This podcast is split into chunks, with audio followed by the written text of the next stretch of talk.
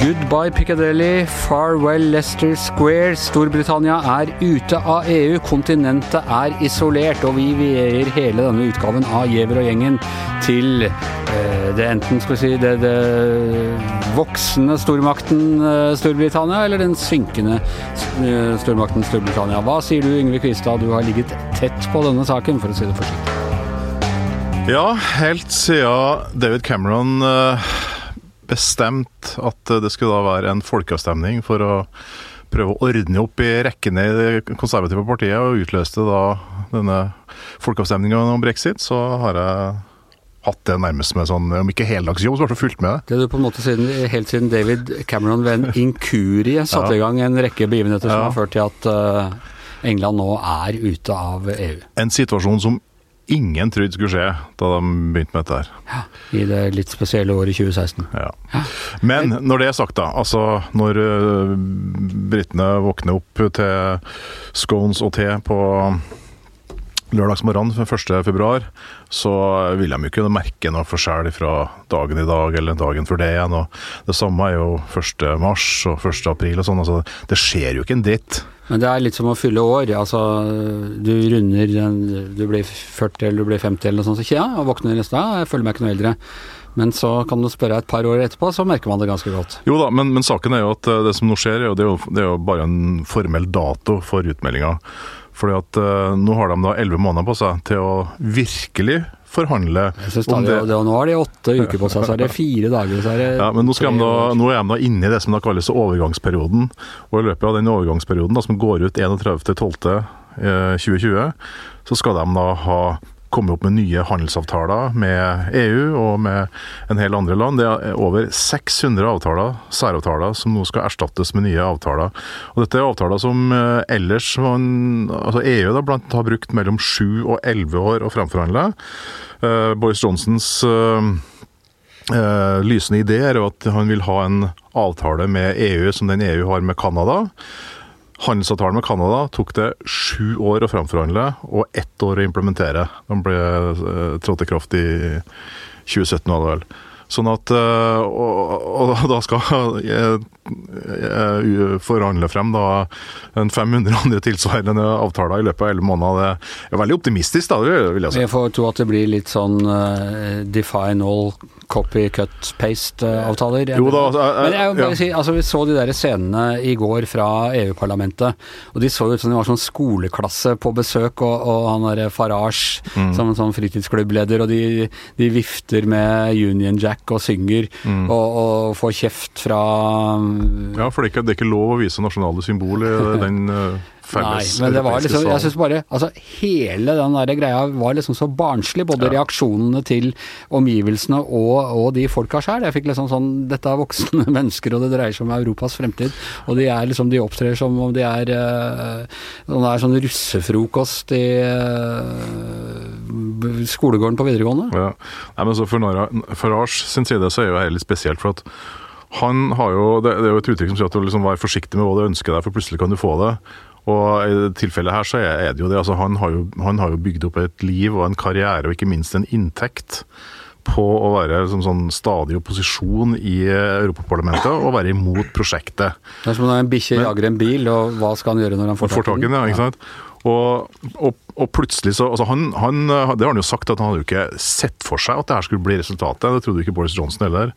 Og plutselig så ble det det. Og så Han har jo da overflødiggjort seg sjøl. Er, jo- er jo nå per def eh, arbeidsledig. Han er jo bare 55 år, han er jo en ung mann. Ja, Forbundet First House. Han er ja, født i 64, altså han, men han har jo da fått en sånn jobb da, som en slags sånn talkshow da, i et, sånn, et radioprogram da, som han skal drive på med. Men, eh, men eh, jeg, tror, jeg, jeg, tror ikke at han så, så for seg at det her skulle bli liksom eh, utgangen på det. Nei.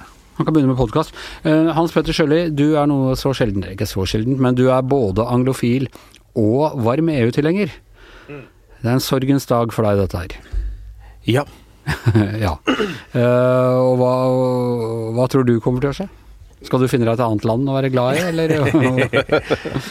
ja, altså, Belgia, hyggelig land, ja, god mat og drikke og Så kan vi ta den historien, for det er jo ja, vi er, Alle vi tre her er jo glad i Storbritannia, selvfølgelig, og, og sånn, men for min del så handler det om at uh, da i mine for, Vi er alle glad i våre formative år, selvfølgelig. Uh, men, De formative årene var best da vi var unge? Ja, sånn er det. Alle, alle eier jo sin egen periode, for så vidt. Men da, da på ja, I 90-åra så det, kom det Cool Britannia-greia opp. ikke sant? Med, det var et utrolig sånn uh, vitalt uh, land. da.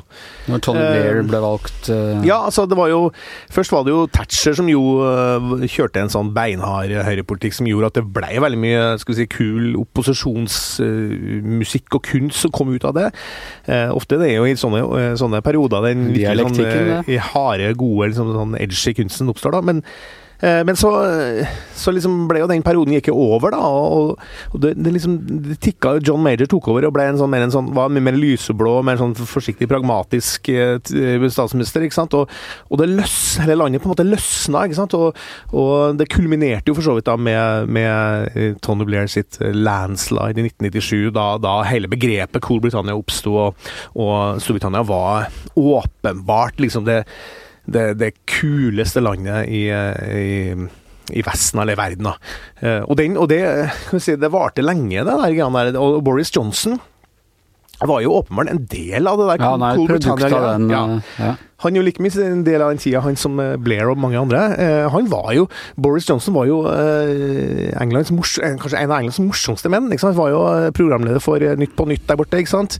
Have I got news for you? Og var en blanding av en sånn litt sånn uh, han var en journalist, på et vis, men han var jo også komiker. Han var, han var en sånn slarvkjeft som egentlig passa veldig godt for den tida. Da. Tenk, der, tenk, om Bård Tufte Johansen blir mannen som tar oss ut av Nato og ja, isolerer ja. Norge og gjør men, men, oss altså, allianseløse. Ikke sant? Men det, det, kulminerte jo for Boris Johnson med, med, si, med da han ble borgermester i London, ikke sant? Og, og de eh, arrangerte det helt eh, oppsiktsvekkende vellykka OL i 2012, så seint. Og da han hang i den ziplinen, alle husker sånn, han var ra, veldig rar. Ennå varte på en måte stemninga for Cool Britannia, da. Men så, på et eller annet tidspunkt etter det, så bare slutta det der å fungere, og, og, og, landet liksom Du sa du skrumpa, skrumpende stormakt. Eller mer som en skrumpende, mer som en, en drue som er i ferd med å bli en rosin. Altså, det, ble, det ble en sånn og det, dere har hørt mange, mange som snakker om at, liksom, at hele stemninga i landet bare endra seg ganske fort. Uh, og i dag er det jo eh, Jeg er jo veldig fan av f.eks. av britisk musikk. Da, men et, et, av mine absolutte favorittband gjennom alle tider er, da, er Pet Shop Boys, som jo er et av de mest erkeengelske bandene som finnes. Og han, Neil Tennant i Pet Shop Boys på den nye plata deres, som er for øvrig er veldig, veldig bra, så han synger liksom at han I am tired of my homeland, som han synger. Hmm. Og det er nok sånn, et uttrykk for den enorme polariseringa og den litt sånn negative kulturen, kulturen som, som, da liksom har lagt seg som en sånn dyne over, over hele øyriket. Men jeg må jo altså si at noe av det kule med England bestandig, altså i mine formative år, altså helt siden jeg var, jeg var barn under hele Beatlemania og sånne ting, jeg vokste opp med at England var det, eh, eh, det kuleste landet. Det var der motene kom fra, det var der eh, musikken mm. kom fra og sånn. Men noe av det kule med England er jo alltid at de har vært litt så, de har vært trassige, ikke sant. Ja, de kjører på feil side av veien, og de bruker andre typer stikkontakter, og de måler ølen i en sånn måleenhet vi ikke skjønner, og det er eh, nettopp den derre sta egenheten at de ikke lar seg eh, konformere inn i en sånn EU-standard. Er ikke det noe av sjarmen, Yngve? Jo, på mange måter så er det jo det. Og det at de også har evna å opprettholde det der gjennom eh, sitt EU-medlemskap, viser, seg, viser at det er jo det er ikke noe farlig å bli medlem av EU. Man mister jo ikke sin egenart eller sin integritet. Eller la oss si det sånn, det er, det er land som har måttet miste mer enn det ja, det, det kan man trygt si. Men, eh, men, men det som, skjedde, som har skjedd de siste årene i i Storbritannia. Det er jo det som uh, Hans Petter helt riktig påpeker, det har jo noe med altså imperiet som skrumper inn, og at man blir mindre og Men skrumpa har de jo gjort jo, i hele vårt liv. Ja, Men altså, si på det, for Jeg leste et utrolig interessant intervju med, eh, med Terry Gilliam, som er fra Monty Python. Eh, han var jo amerikaner, amerikaner ikke sant? Og så sa han, fikk en spørsmål da, fra en ny film ute med, om Don Quijote. Men, men det, han, det, han, sier han kom til Storbritannia, han kommer på 60-tallet, 70-tallet, så sa han det som var det gøyeste med den britiske kulturen, var at de hadde et sånt selvironisk forhold til sin egen eh, misere. ikke sant? At eh, hele At imperiet falt sammen. Uh, de, de, liksom, de, de, de syntes det var gøy å kødde med sin egen uh, skal vi si, eh, pompøsitet. da. Eh, og, og en sånn uh, sterk sånn pragmatisme og veldig sånn, en sånn lavskuldra holdning til sin egen historie. Uh, og det, det, som man sier, da, that has faded away, som man sier. Og det, ja. Men det er, jo, det er jo den biten av det. Men så har de jo også blitt fanga av si, tidsånden, ikke sant. Med, som vi snakka om mange ganger før, med globaliseringa, det som skjedde i, i, i USA også. for at eh, Boris Johnson ja, han var artigkall, som vi ser på trøndersk. Han uh, var i, i, i, i Brussel som eh, korrespondent for eh, Telegraph og Spectator. Dikta opp masse historier. ikke masse historier, men han eh, var litt eh, Han, han tilpassa sine historier en del eh, EU-fordommer, men det var egentlig relativt eh, uskyldig. da. Han var han, angivelig en av de som er, er um, opphavspersonen til den der rare historien om, om eh, agurkens krumning og alt det greiene der. Eh, Så det var veldig lett å gjøre narr av, av EU. Men han har jo aldri vært noe motstander av det europeiske prosjektet per se. Altså, han har jo, eh, han har jo eh, at han har blitt sånn, sånn rabiat EU-motstander, det kom jo først i senere tid. Og det kom jo i det øyeblikket at det oppsto en mulighet for han til å ta makta. Han og David Cameron har vært rivaler helt siden de gikk på kostskole, helt siden de gikk på eh, Eton. Og de eh, har, Det er jo noen fornøyelige historier om hvordan de har eh, eh, fysisk vært i slåsskamp med hverandre for, altså, om, om filleting. Og for eh, Boris Johnson så har det hele tida handla om å kunne tukte eh, David Cameron, som var fra en litt finere familie og som hadde, kom fra litt bedre kår.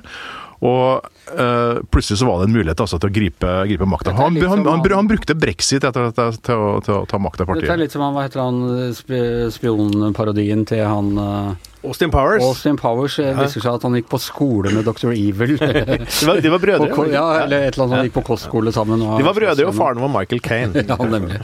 nemlig. Men, eh, men er, det, er, det noen, er det noen Richard Løvehjerte i denne historien, liksom? Altså Nå er det Johan uten land som, som regjerer.